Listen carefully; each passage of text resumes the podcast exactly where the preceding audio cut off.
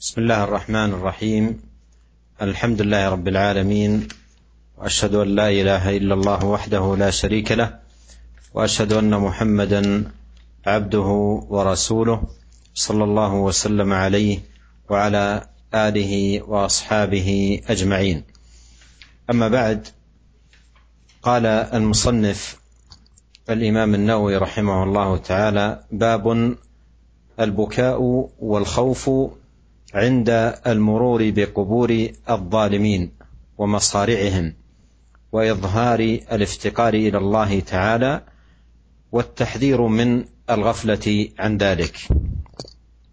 هذه الترجمة عقدها رحمه الله تعالى لبيان وجوب الاتعاظ والاعتبار والا يبقى الإنسان مستمرا في غفلته لا سيما وهو يشاهد في هذه الحياة من المواعظ والقوارع ما يحرك القلوب ويهز النفوس ويؤثر فيها أعظم التأثير. ومن ذلكم أخذ العبرة والعظة من مصارع الظالمين. وهلكه المفسدين المعتدين. فإن للناس في ذلك أعظم عبرة. وعلى مر التاريخ لا يزال الناس يسمعون ويشاهدون بهلاك الظالمين أشد الهلاك. ذلك أن الله سبحانه وتعالى يملي للظالم ولا يهمله وإذا أخذه سبحانه وتعالى أخذه بغتة كما قال عز وجل وكذلك أخذ ربك إذا أخذ القرى وهي ظالمة إن أخذه أليم شديد.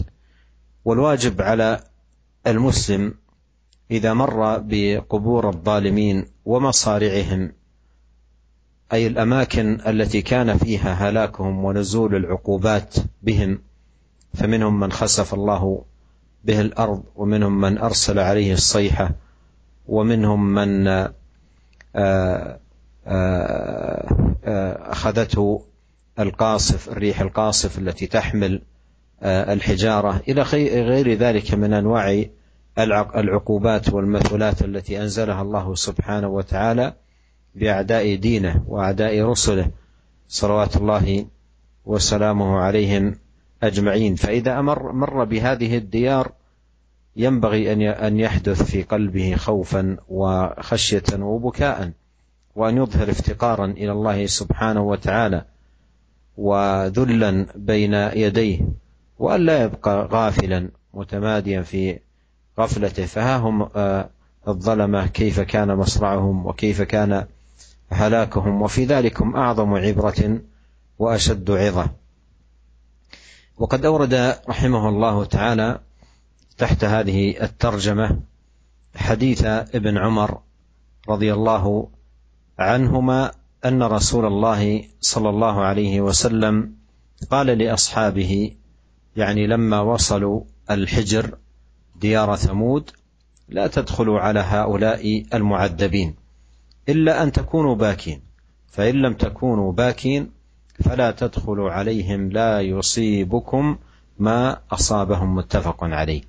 وفي رواية قال لما مر رسول الله صلى الله عليه وسلم بالحجر قال لا تدخلوا مساكن الذين ظلموا أنفسهم أن يصيبكم ما أصابهم إلا أن تكونوا باكين. ثم قنع رسول الله صلى الله عليه وسلم رأسه وأسرع السير حتى أجا أج حتى أجاز الوادي. ومعنى قنع رأسه أي خفض رأسه وغطاه صلوات الله وسلامه عليه.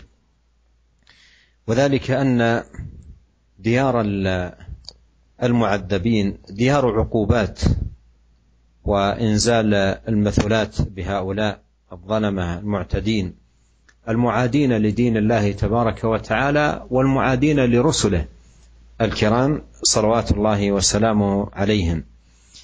فمن مر بهذه الديار لا ينبغي أن يدخلها وإذا اضطر لدخولها فإنه يدخل وهو خائف وباكي كما قال إلا أن تكونوا باكين. أما أن يدخلها على وجه التنزه والانبساط والتسلية فهذا من الغلط الكبير الذي ينبغي على المسلم أن يتجنبه وألا يقع في شيء من ذلك. فإما ألا يدخلها أصلا أو إذا دخلها مضطرا فإنه لا يدخلها على وجه الانبساط والفرح وقصد الفرجة والتنزه والاطلاع بل يدخل مارا وهو خائف.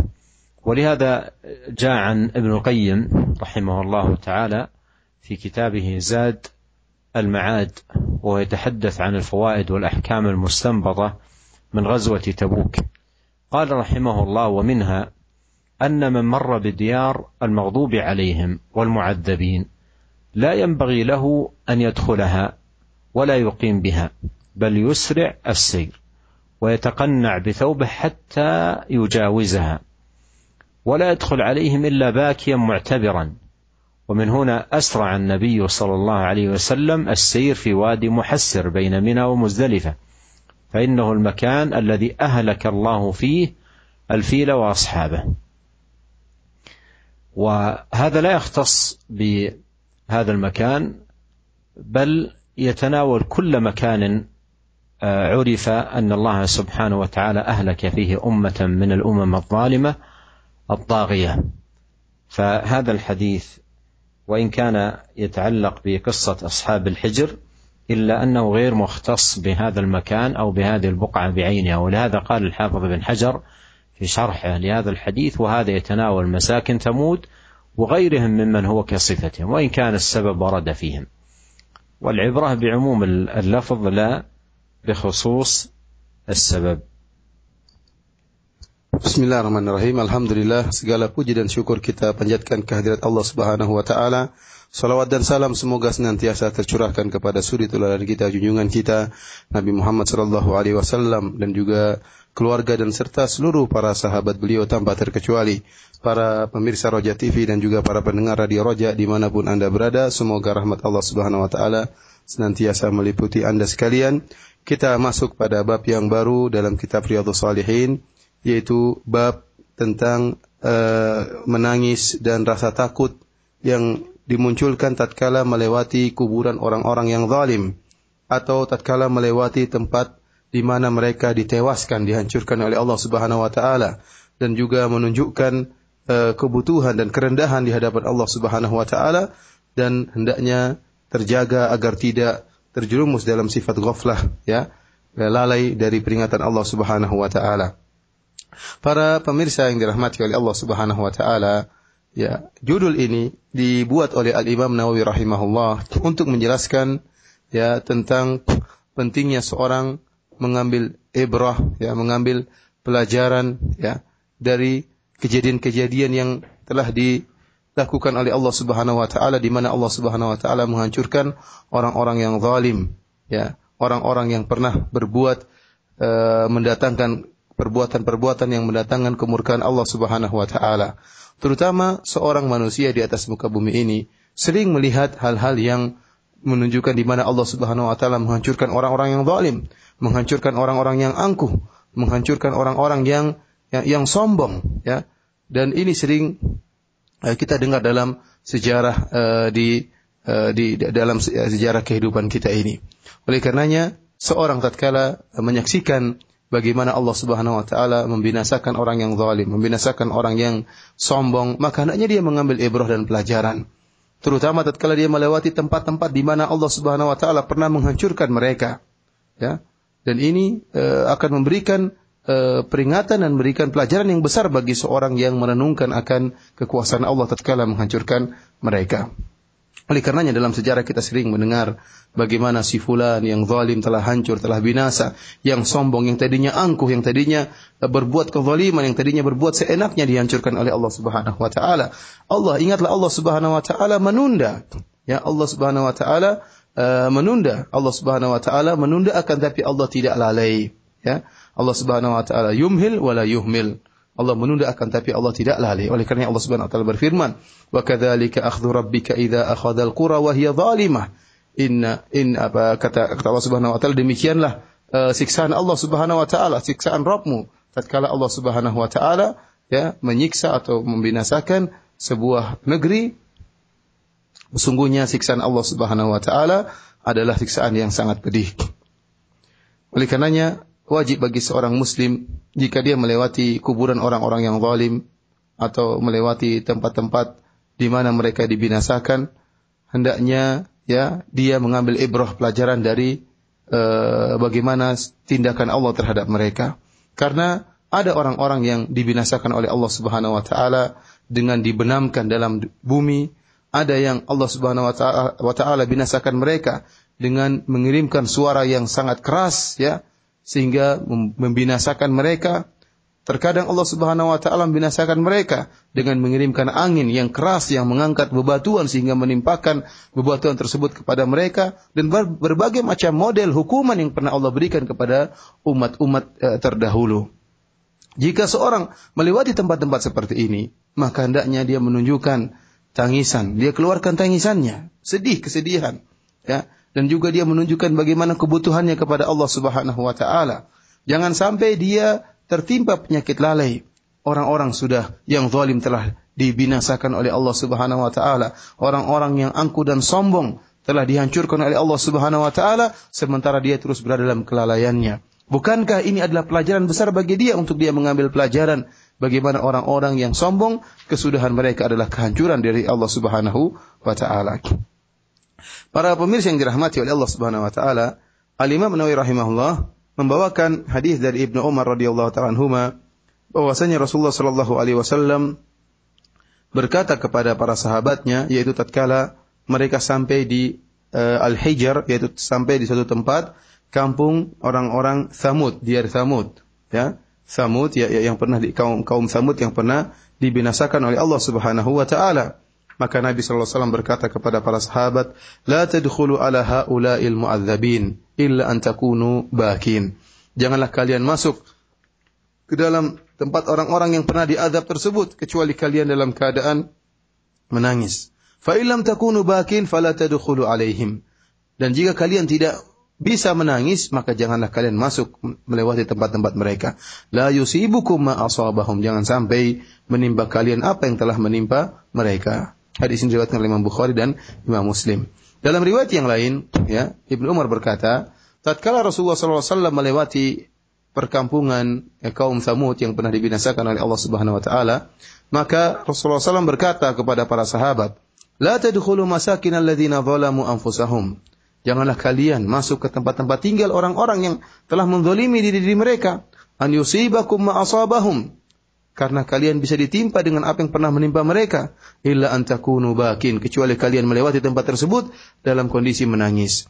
Thumma qanna Rasulullah sallallahu alaihi wa asra as-sair hatta ajazal wadi sampai kemudian Rasulullah SAW pun menundukkan kepalanya kemudian menutupi kepala beliau alaihi salatu wasalam kemudian beliau berjalan dengan cepat sampai melewati lembah tersebut. Lembah yang di mana kaum Samud pernah dibinasakan oleh Allah Subhanahu wa taala. Para mirsa yang dirahmati oleh Allah Subhanahu wa taala, ya. Eh, Rasulullah SAW melakukan demikian mengingatkan para sahabatnya kemudian berjalan dengan cepat sambil menutup kepala beliau. Karena itu adalah kampung orang-orang yang pernah diadab oleh Allah Subhanahu wa taala. Orang-orang yang pernah memusuhi agama Allah Subhanahu wa taala. Bahkan orang-orang yang memusuhi para Rasulullah Allah Subhanahu wa taala yang mulia. Barang siapa yang melewati kampung mereka maka hendaknya dia mengambil pelajaran dari siksaan Allah terhadap mereka. Jangan sampai dia kemudian masuk dalam tempat tersebut dalam kondisi ya apa namanya bersenang-senang, gembira atau apa namanya rekreasi. Ini semua tidak diperbolehkan. Hendaknya dia tidak masuk dalam tempat tersebut kecuali kalau dia terpaksa harus masuk dalam tempat tersebut, maka hendaknya dia dalam kondisi menangis. Maka hendaknya dia uh, dalam kondisi menangis. Bukan sebagaimana dilakukan sebagian orang yang masuk dalam tempat-tempat yang pernah Allah menyiksa suatu kaum, mereka masuk dalam kondisi bersenang-senang, kayaknya hiburan dalam keadaan gembira. Ini merupakan perbuatan yang yang keliru. Hendaknya mereka masuk dalam tempat tersebut dalam kondisi mengambil pelajaran atas siksaan yang Allah pernah berikan kepada kepada mereka.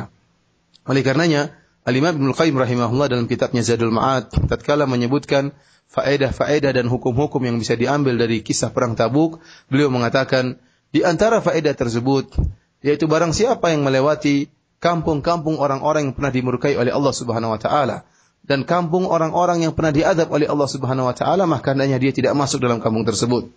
Apalagi tinggal di tempat tersebut. Akan tapi hendaknya dia berjalan dengan cepat agar segera meninggalkan tempat tersebut. Dan hendaknya dia menutupi wajahnya dengan pakaian, dengan bajunya sampai dia melewati tempat tersebut. Ya, dan dia tidak masuk dalam tempat tersebut kecuali dalam kondisi menangis, dalam kondisi mengambil pelajaran. Lihatlah bagaimana Nabi Shallallahu Alaihi Wasallam menyegerakan langkahnya tatkala melewati wadi Muhasir, lembah Muhasir yang ada di antara Mina dan Muzdalifah. Kenapa? Karena tempat tersebut, lembah tersebut, di situ Allah Subhanahu Wa Taala pernah membinasakan pasukan bergajah.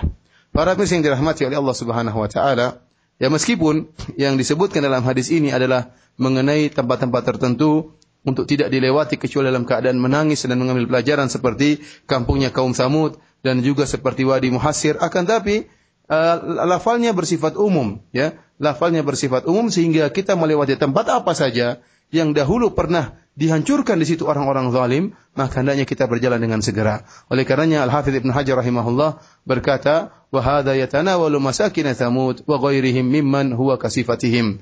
Dan hadis ini mencakup tempat-tempat kaum Samud yang dibinasakan oleh Allah dan juga orang-orang selain mereka yang sifatnya seperti mereka yang berbuat zalim kemudian sombong kemudian angkuh memerangi agama Allah memerangi Rasulullah sallallahu alaihi wasallam para rasul kemudian dibinasakan oleh Allah Subhanahu wa taala oleh karenanya lafalnya adalah umum setiap tempat yang pernah dibinasakan uh, orang-orang zalim di situ maka hendaknya seorang melewati dalam kondisi menangis atau mengambil ibrah dari siksaan Allah terhadap mereka بعد ذلك دخل المصنف رحمه الله تعالى في كتاب جديد وهو كتاب آداب السفر وأخذ يسوق رحمه الله تعالى الأبواب آه، التي تتعلق بهذا الكتاب كتاب السفر آه، ولعله يؤجل الحديث عن هذا الكتاب إلى لقاء الغد ونترك ما بقي من الوقت لاستماع ما تيسر من أسئلة الإخوة المستمعين الكرام. Kemudian Al-Imam Nawawi rahimahullah masuk dalam kitab yang baru dalam kitab Riyadhus Shalihin yang beliau beliau judul kitab Adabus Safar, kitab tentang adab-adab safar, kemudian beliau membawakan bab-bab yang berkaitan dengan uh, kitab safar ini. Dan insya Allah pengajian ini akan kita tunda pada pertemuan berikutnya. Dan sisa waktu yang tersedia kita berikan kepada para pemirsa dan para pendengar untuk menyampaikan pertanyaan kepada uh, Syekh. Demikian uh, selanjutnya saya kembalikan kepada Akhi Ari untuk uh, menerima pertanyaan dari para pemirsa. نعم أستاذ نعم يا شيخ فضيلة الشيخ شكرا بارك الله فيكم Terima kasih banyak atas waktu dan keluangan yang diberikan di kesempatan sore hari ini. Semoga bermanfaat untuk kita semuanya. Dan berikut ini kami akan berikan kesempatan kepada para pemirsa TV Roja dan pendengar di Roja untuk bersoal jawab di kesempatan sore hari ini berkaitan dengan pembahasan kita menangis dan takut ketika melewati kuburan dan tempat-tempat yang dibinasakan atau orang-orang zalim. Kita angkat uh, penelpon yang pertama di kesempatan sore hari ini. Halo. Silakan Pak. Dengan Pak siapa di mana? Nur di Bekasi Pak. Silakan Pak Nur di Bekasi. Assalamualaikum Pak Ustaz. Waalaikumsalam warahmatullahi Saya mau nanya Pak Ustaz. Nah, kalau dosa syirik itu maksudnya yang udah meninggal gitu Pak Ustaz, itu diampuni atau atau gimana gitu Pak? Atau di mana gitu? Ya karena dia tidak tahu gitu Pak sebelumnya. Ya kan semua diampuni lah dia. Cukup Bapak? Ya itu gimana Ustaz? yang bertobatnya mana Bu Ustaz? Iya, ter terima kasih ya Pak ya. Ya. Iya. Waalaikumsalam warahmatullah. Afan Ustaz apakah bisa disimak dengan jelas suaranya?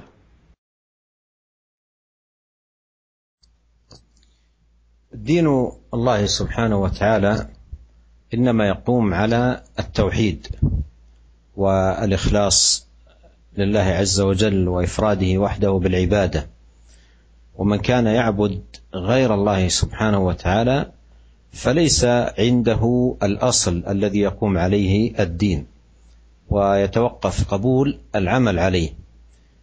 قال الله سبحانه وتعالى وما أمروا إلا ليعبدوا الله مخلصين له الدين وقال تعالى ألا لله الدين الخالص وقال تعالى ولقد أوحي إليك وإلى الذين من قبلك لئن أشركت ليحبطن عملك ولتكونن من الخاسرين. فليس الإسلام مجرد أعمال يقام بها لا أساس تقوم لا أساس لها تقوم عليه بل الإيمان له أساس متين وأصل عظيم لا قيام له إلا عليه ألا وهو توحيد الله سبحانه وتعالى.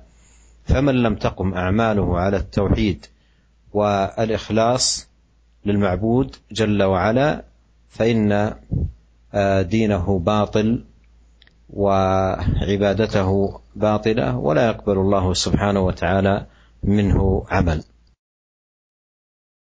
Uh, beliau menjelaskan bahwasanya uh, agama Allah hanyalah dibangun di atas tauhid dan keikhlasan, menyerahkan ibadah semata-mata hanya untuk Allah Subhanahu wa taala. Barang siapa yang menyembah kepada selain Allah Subhanahu wa taala, menyerahkan ibadahnya kepada selain Allah Subhanahu wa taala, maka sungguhnya dia tidak memiliki landasan dalam agamanya. Yang landasan tersebut harus ada dalam agamanya agar amalannya diterima oleh Allah Subhanahu wa taala. Dan Allah telah jelaskan dalam banyak ayat. Harus ada landasan tersebut landasan tauhid dan keikhlasan agar amalannya diterima oleh Allah Subhanahu wa taala. Allah berfirman ma umiru illa liya'budullaha mukhlishina lahuddin dan tidaklah mereka diperintahkan kecuali untuk beribadah kepada Allah dengan keikhlasan ala lillahi dinul khalis ketahuilah bahwasanya milik Allah agama yang murni Allah berfirman juga walaqad uhiya ilaika wa ilal ladzina min qablik la in asyrakta la yahbatanna 'amaluka wa la takunanna minal khasirin. Dan sungguh telah diwahyukan kepada engkau dan juga kepada nabi-nabi sebelum engkau. Jika engkau berbuat e, kesyirikan, maka akan gugur seluruh amalanmu dan engkau benar-benar akan menjadi orang yang merugi di akhirat kelak. Oleh karenanya namanya Islam bukan sekedar KTP, bukan sekedar mengerjakan amalan tanpa ada pondasi, tanpa ada landasan, ya yang kita tahu bahwasanya landasan tersebut yang menyebabkan agama kita diterima, amalan kita diterima adalah tauhid. Ya barang siapa yang uh, amalannya tidak dibangun di atas tauhid, maka agamanya adalah agama yang batil. Nah Ustaz Barakallahu Fikum Jazakallahu Khairan Dan berikutnya kami akan angkat kembali penelpon yang selanjutnya telah ada Bapak Bayu di Kalibata silakan.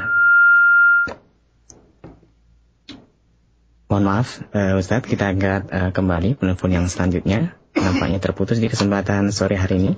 Kami persilahkan kepada Ikhwatal Islam yang ingin bertanya di 0218236543.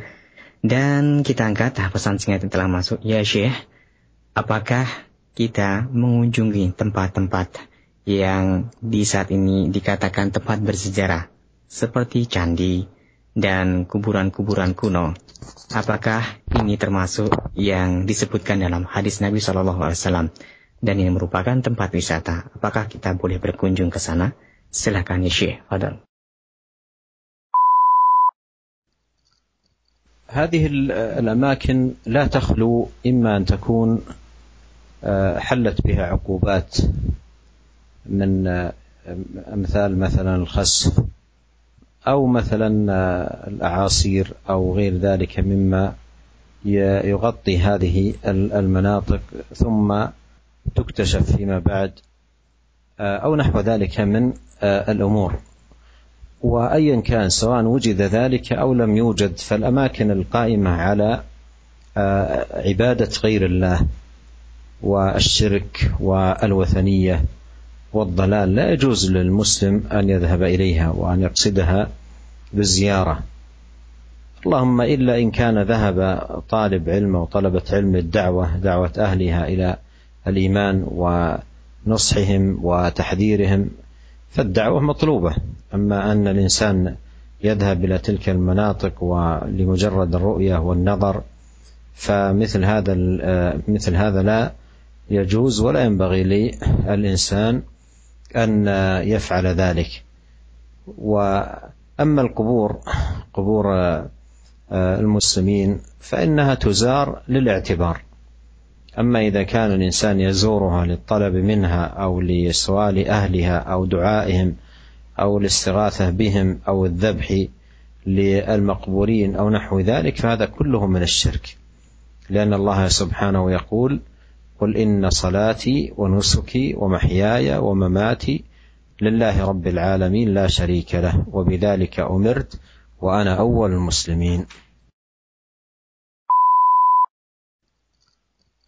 Para mirsa yang dirahmati Allah Subhanahu wa taala, beliau menjelaskan bahwasanya tempat-tempat uh, ini seperti tempat-tempat ibadah ya. Uh, uh, beliau mengatakan bisa jadi tempat-tempat tersebut pernah di diturunkan musibah oleh Allah Subhanahu wa taala, diturunkan azab oleh Allah Subhanahu wa taala. Karena ada sebagian tempat, tempat-tempat ibadah yang dahulunya mungkin di uh, tenggelam dalam tanah, bisa jadi itu karena karena azab Allah sehingga menenggelamkan mereka dalam bumi, kemudian akhirnya di ditemukan dengan digali akhirnya nampaklah eh, tempat-tempat ibadah tersebut. Tentunya ini tidak boleh kalau kondisinya memang karena dulu pernah diadab oleh Allah maka ini tidak boleh didatangi. Eh, adapun kalau ternyata tempat-tempat tersebut uh, tidak pernah ditimpakan adab oleh Allah Subhanahu wa taala, akan tapi tempat-tempat tersebut kita tahu adalah tempat-tempat peribadatan orang-orang musyrikin, para penyembah berhala. Ya, maka tempat-tempat ini dibangun di atas kesyirikan, di atas penyembahan terhadap berhala maka tidak boleh seorang meramaikan tempat-tempat tersebut, mendatangi, menziarahi tempat-tempat tersebut. Ya kecuali kalau memang dia niatnya datang ke tempat tersebut untuk berdakwah di jalan Allah Subhanahu wa taala untuk menasihati mereka agar tidak terjerumus dalam dalam kesyirikan ya, ada pengagungan terhadap tempat-tempat ibadah orang-orang musyrikin ya, karena dakwah dituntut, dakwah matlubah dituntut. Adapun seorang datang ke sana, seorang muslim datang ke sana sekedar untuk jalan-jalan, untuk melihat-lihat ya untuk uh, melihat pemandangan maka ini tidak tidak boleh. Adapun kuburan kaum muslimin maka kuburan-kuburan tersebut diziarahi. Diziarahi akan tetapi tujuan dari ziarah adalah untuk iktibar, untuk mengambil pelajaran mengambil pelajaran bahwasanya akan ada hari akhirat, bahwasanya kita mengingat kematian.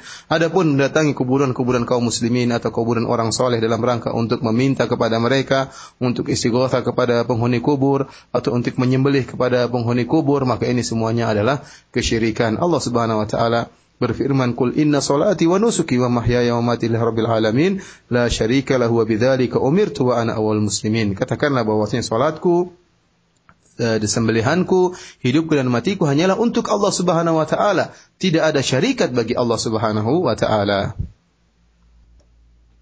Syukron ya Syekh, barakallahu fikum, jazakallahu khairan. Terima kasih banyak atas penjelasannya dan berikut ini kami angkat kembali telepon yang selanjutnya. Telah ada Bapak Mabrur di Kalimantan Timur. Silakan Pak. Halo. Halo, Assalamualaikum Ustaz. Waalaikumsalam warahmatullahi Pertanyaannya? Uh, mungkin agak keluar sedikit daripada hadis yang tadi Pak Ustaz, tapi masalah kuburan. Pembangunan masjid, uh, Bapak di Sulawesi sana membangun masjid uh, pas di depan samping kuburan. Itu bagaimana hukumnya Pak Ustaz? Uh, dan masjid itu alhamdulillah sering juga sih dipergunakan keluarga-keluarga yang belum sempat mensolati mayatnya di rumah, disolatkan di masjid itu. Yeah. Tapi pernah aku dengar di Roja kayaknya ada ada gimana mm-hmm. tentang ada masjid di kuburan situ. Yeah. Terima kasih Pak Ustaz. Yeah. Itu aja. Assalamualaikum. Waalaikumsalam warahmatullahi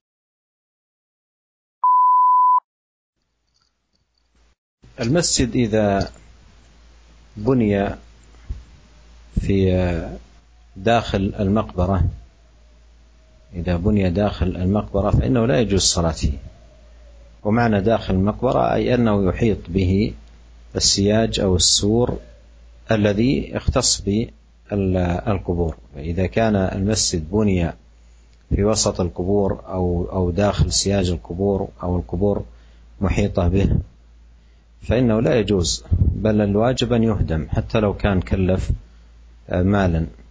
لأن النبي صلى الله صلى الله عليه وسلم قال لعنة الله اليهود والنصارى اتخذوا قبور أنبيائهم مساجد يحذر من ذلك صلوات الله وسلامه عليه. وهذا من أكبر الذرائع والوسائل المفضية بالناس إلى الشرك بالله سبحانه وتعالى.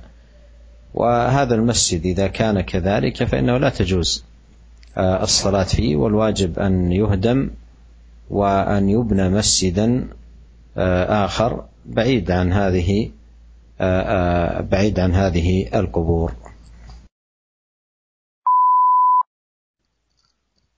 Uh, Syekh menjelaskan bahwasanya kalau masjid dibangun di dalam areal kuburan ya ini tidak diperbolehkan. Contohnya ada kuburan kemudian ada pagarnya ya pagar mengelilingi kuburan tersebut ini areal kuburan. Kemudian ada masjid dibangun dalam kuburan tersebut maka tidak boleh sholat di situ. Bahkan wajib kubur uh, masjid tersebut untuk dihancurkan meskipun uh, mengeluarkan biaya ya. Kenapa? Karena Nabi SAW melaknat orang-orang yang menjadikan kubur uh, masjid di kuburan. Kata Nabi SAW, laknatullah alal Yahudi wan Nasara ittakhadha kubur anbiya'ihim masajida. Semoga Allah melaknat orang-orang Yahudi Nasrani menjadikan kuburan-kuburan uh, orang-orang nabi-nabi mereka menjadi tempat-tempat masjid ya. Yuhadziru ma sana'u. Rasulullah SAW mengingatkan akan bahaya yang mereka telah lakukan. Ya oleh karenanya uh, menjadikan kuburan-kuburan sebagai tempat ibadah merupakan wasilah yang paling cepat mengantarkan seorang ke dalam kesyirikan ya. Nah, Terima kasih atas penjelasannya, Ustaz. Dan berikut kami akan bacakan pesan singkat yang masuk di kesempatan kali ini dari saudara Sudur di Pagar Alam. Ya Syekh, bagaimanakah hukumnya kita melewati kuburan orang-orang yang dianggap menakutkan di negeri kami biasa ketika melewati kuburan yang angker yang di sana banyak diberikan sesaji dan sebagainya kita biasanya mengucapkan salam agar tidak kualat dan sebagainya apakah hal ini dibenarkan silakan ya Syekh Fadl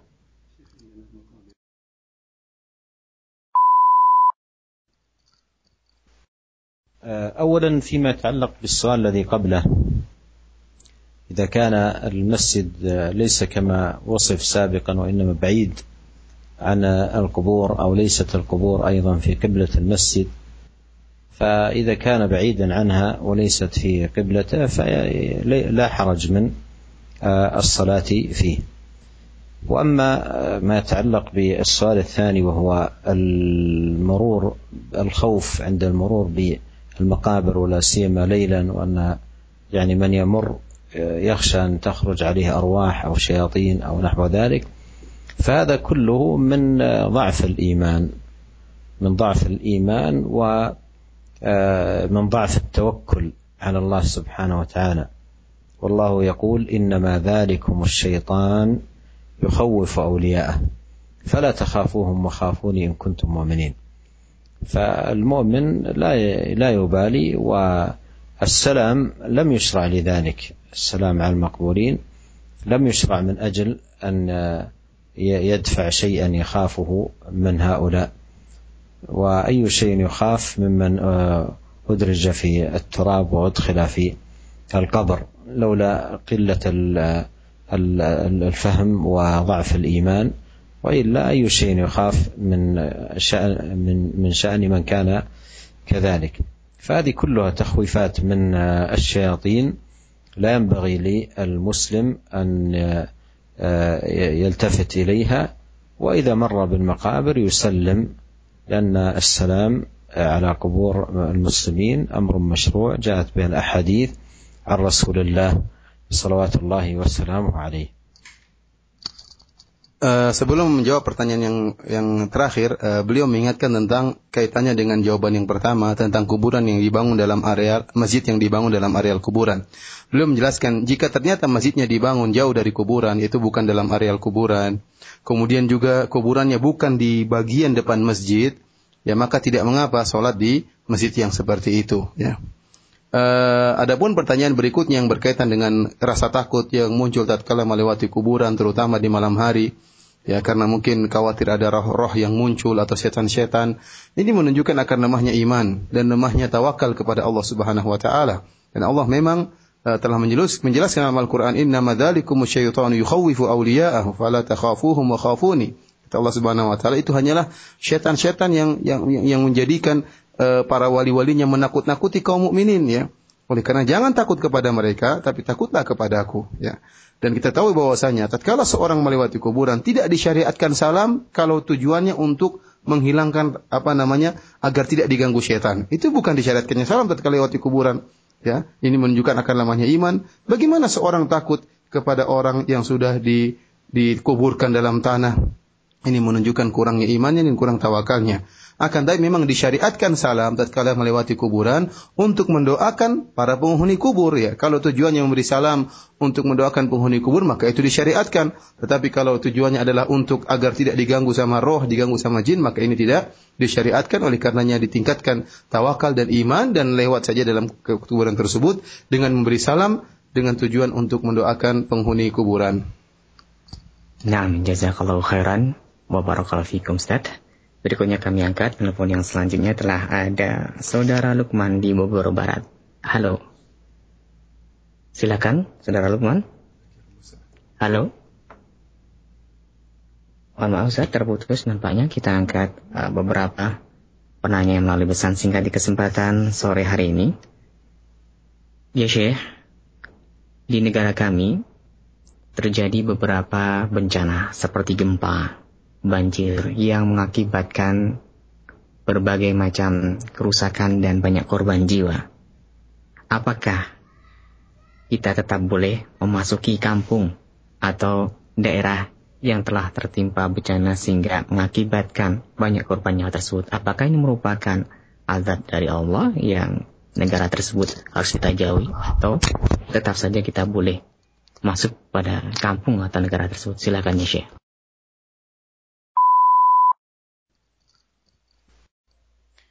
الفيضانات التي حصلت وتسمى تسونامي ليس كذا؟ تسونامي نعم. يعني هذه الفيضانات ألقيت في حينها خطبة جمعة وفصلت ما يتعلق بذلك من حكم وأمور تؤخذ للاتعاظ والاعتبار. وقد يكون شيء من ذلك في حق بعض الناس هلاكا وعذابا وقد يكون في حق بعض الآخرين شيئا من الإيقاظ والاتعاظ والاعتبار. وعلى كل حال لا تعد تلك الأماكن ديار معذبين بل للإنسان المرور فيها والسكنى فيها والإقامة فيها. وهي في حق بعض الناس ربما تكون هلاكا وعذابا وفي بعض الناس ربما من الابتلاءات التي تحصل كما قال الله لنبلونكم بشيء من الخوف والجوع ونقص من الأموال والأنفس والثمرات وبشر الصابرين.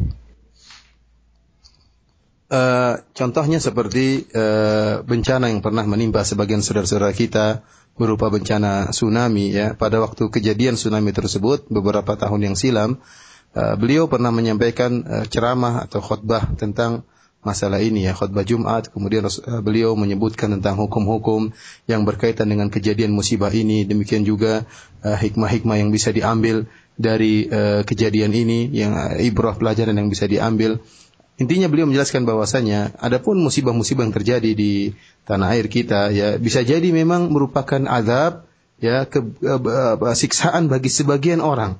Akan tapi tidak untuk semua orang.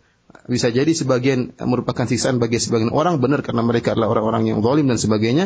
Akan tapi kepada bagi sebagian orang lain merupakan ujian dari Allah Subhanahu wa taala. Dan sebagian lagi ya, ya, yang selamat untuk menjadi pelajaran bagi bagi mereka.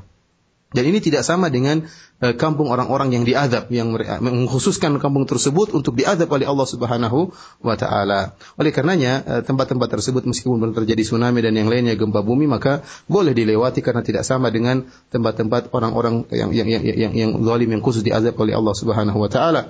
Dan Allah telah menyampaikan Allah akan berikan ujian kepada sebagian kaum muslimin. Wala nabluwannakum bi syai'in minal khaufi wal ju'i wa naqsin minal amwal wal anfusi thamarat. Kata Allah Subhanahu wa taala, sungguh kami akan menguji kalian dengan sedikit ketakutan, kelaparan, kekurangan, ya kekurangan jiwa, ya hilangnya banyak yang meninggal dunia, kemudian ada juga ya kurangnya apa namanya uh, hasil bumi dan lain sebagainya. Ya dan ini uh, oleh karena kita katakan tadi ada sebagian yang benar-benar diadab oleh Allah dengan bencana tersebut, namun sebagian lagi ternyata ujian dari Allah Subhanahu wa taala oleh karenanya tidak disamakan dengan kampung-kampung orang-orang yang khusus diadab oleh Allah Subhanahu wa taala. Nah Ustaz, Barakallahu Fikum. Terima kasih banyak atas penjelasannya. Berikut kami angkat kembali penelpon yang selanjutnya. Saudara Adi di Jakarta. Halo. Ya, Assalamualaikum. Waalaikumsalam warahmatullahi Silakan Pak Adi. Ya, ya dengan Adi di Pulau Jakarta. Iya. Ini mau nanya nih, saya di tempat tinggal saya dua masjid ada kuburan, satu musolat ada kuburan, satu tidak ada kuburan. Dan yang anehnya, saya setelah satu tahun lebih tidak tahu di situ ada kuburan. Mhm. Baru-baru kemarin, belum nyampe sebulan, saya satu tahun lebih sholat di situ di, di masjid, Mhm. baru tahu ada kuburan. Mhm. Saya menyesal. Terus akhirnya saya pindah ke musola, walaupun bacaan imamnya kurang bagus, saya lebih baik milih di situ daripada masjid. Saya juga udah dua masjid. Saya nyesal gitu kan, nggak tahu ada kuburan di situ gitu, Mhm. dua masjid. Itu bagaimana tanggapannya? Satu tahun lebih saya baru tahu. Iya, terima kasih Jazakallah Pak Adi. Iya. Waalaikumsalam warahmatullahi Silakan ya Syekh Fadol.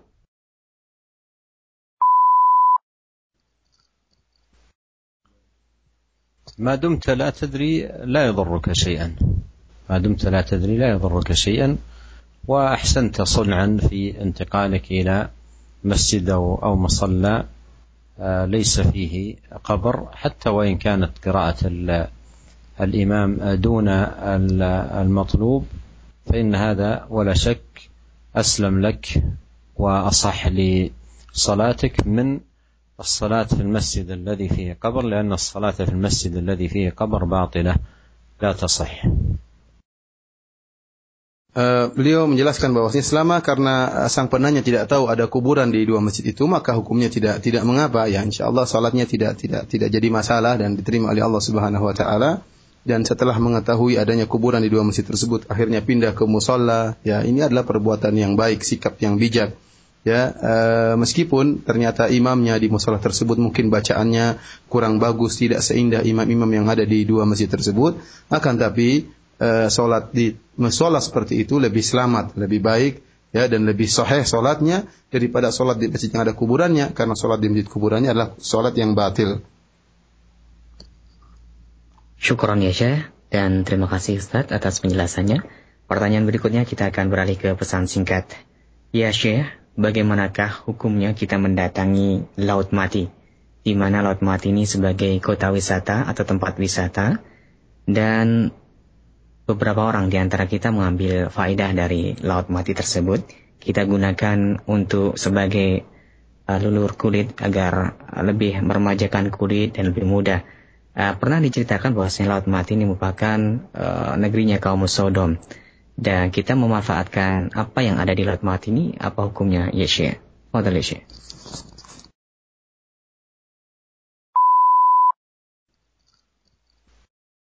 ليس عندي جواب على هذا السؤال. Eh, Syekh mengatakan beliau tidak tahu eh, jawab tidak punya jawaban untuk pertanyaan ini pertanyaan yang lain Nah Ustaz, Barakallahu Fikum. Terima kasih banyak ya Ustaz. Dan kita akan kembali mempersilahkan kepada para pemirsa TV Roja dan pendengar Radio Roja yang ingin bertanya. Kami persilakan di 0218236543 atau dapat menghubungi kami. Uh, kami lain kami di 0218236543 atau melalui pesan singkat di 081 31 777 6543. Kita angkat telepon yang selanjutnya Ustaz. Halo. Halo, eh, Assalamualaikum. Waalaikumsalam warahmatullahi wabarakatuh. Maaf dengan Bapak siapa di mana? Eh, dengan Bapak Sarif di Cengkareng, Pak. Silakan Pak Syarif. Eh, ini Pak, mohon maaf nih Pak, agak ini saya eh, beda dari tema, Pak, nggak apa-apa, Pak. Silakan. Oh, ini Pak, eh, saya untuk bacaan dikir itu kalau sunnah itu bisa enggak ya Pak ya?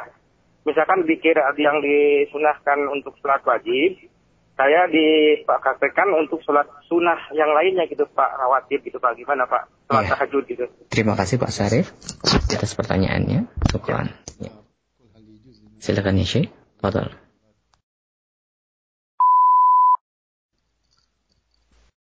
ذكر الله عز وجل بالأذكار الموظفة بعد المكتوبة. هذا أمر جاءت به السنة وجاء الحث عليه عن رسول الله صلوات الله وسلامه عليه وهو إنما يؤتى به بعد الصلاة المكتوبة ولا يؤتى به بعد النوافل لأنه لم يأتي ما يدل على ذلك.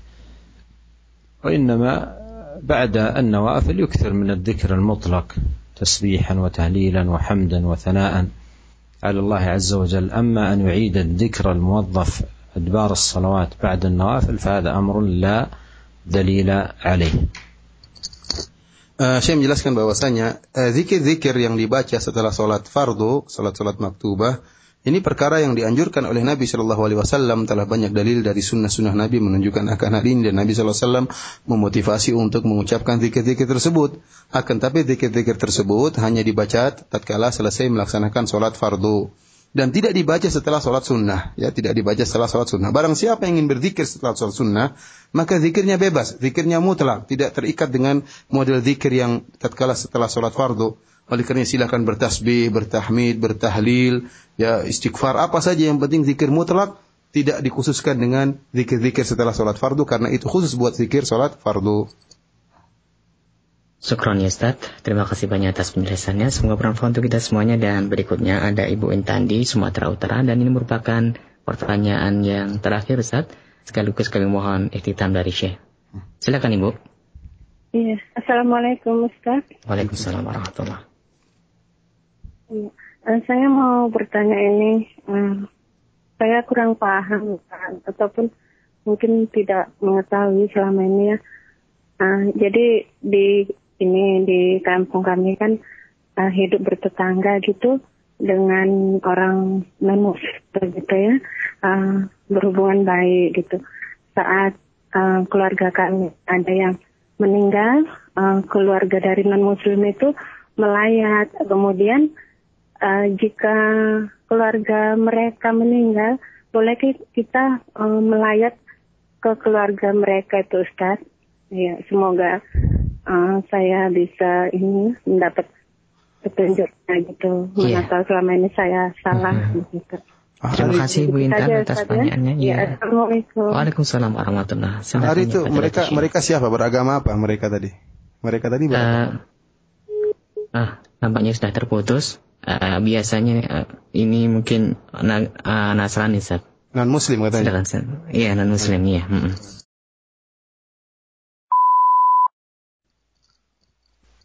أولا فيما يتعلق بالسؤال الأول عن البحر الميت فإن مما هو شائع أنه منطقة التي عذب فيها قوم لوط وذكر شيء من ذلك في كتب التفسير لكن لم يذكر شيء ثابت عن النبي صلى الله عليه وسلم في هذا الباب. فيبقى الأمر على الأصل يبقى الأمر على الأصل جواز الاستفادة من ماءه بالسباحة أو نحوها إلى أن يقوم الدليل الثابت المتيقن أنها مكان المعذبين فإن الحكم فيها يكون كما سبق بيانه. وفيما يتعلق بهذا السؤال الأخير فإن الإحسان إلى الجار غير المسلم تأليفا لقلبه ودعوته ل ودعوة له للإسلام لا بأس بذلك.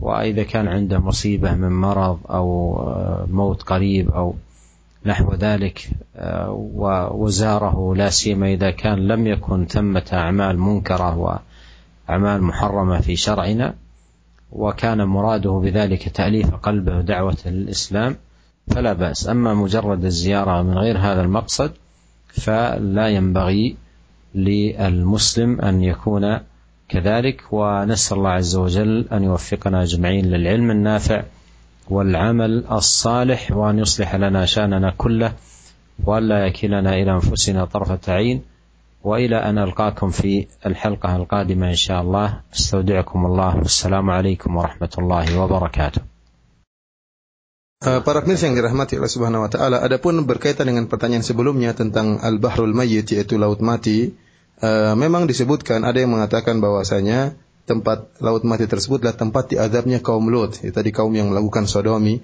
homoseksual. Dan ini sempat disebutkan dalam beberapa buku-buku tafsir. Akan tapi tidak ada dalil yang menunjukkan akan kepastian akan hal itu. Demikian juga tidak disebutkan oleh Nabi Shallallahu Alaihi Wasallam akan hal itu. Tatkala tidak ada dalil yang pasti yang menunjukkan akan bahwasanya tempat itu pernah diadab kaum Lut, maka kembali kepada hukum asal. Hukum asalnya dia merupakan laut biasa Oleh karenanya laut biasa boleh digunakan mengambil faedah dari laut tersebut apakah dengan berenang di laut tersebut atau untuk mengobati penyakit kulit kecuali kalau ada dalil dan bukti yang kuat yang menunjukkan bahwasanya tempat itu memang adalah tempat diadabnya kaum Nuh, kaum Lut, maka kalau memang ada buktinya dan dalilnya maka tidak boleh dikunjungi sebagaimana uh, diar Samud. Kemudian adapun pertanyaan terakhir yaitu uh, seorang uh, berusaha untuk berbuat baik kepada tetangganya meskipun tetangganya seorang non muslim ya dalam rangka untuk melembutkan hati mereka, menarik hati mereka, terutama dalam rangka untuk mendakwahi mereka. Ya oleh karenanya jika ada yang meninggal di antara mereka atau ada yang sakit di antara mereka atau yang kena musibah di antara mereka, maka tidak mengapa dikunjungi, didatangi, tentunya dengan niat ya dengan niat untuk mengambil hati mereka atau mendakwahi mereka. Terlebih lagi jika ternyata dalam acara mereka tidak ada perkara-perkara yang mungkar, yang mungkar menurut syariat kita tidak ada. Ya, adapun Eh, kalau seorang mengunjungi tetangganya yang non muslim yang sakit atau meninggal dunia hanya dalam hanya sekedar untuk ziarah tanpa ada maksud menarik hati mereka tanpa ada maksud mendakwai mereka maka ini tidak uh, diperbolehkan. Demikianlah para hadirin pengajian kita pada kesempatan kali ini. Semoga ada manfaatnya dan semoga kita bisa mengamalkan apa yang telah kita uh, pelajari dan semoga Allah memberikan kita ilmu yang bermanfaat. Uh, kita bertemu lagi dalam kesempatan berikutnya dengan izin Allah Subhanahu wa taala. Demikian saja wabillahi taufik. Assalamualaikum warahmatullahi wabarakatuh.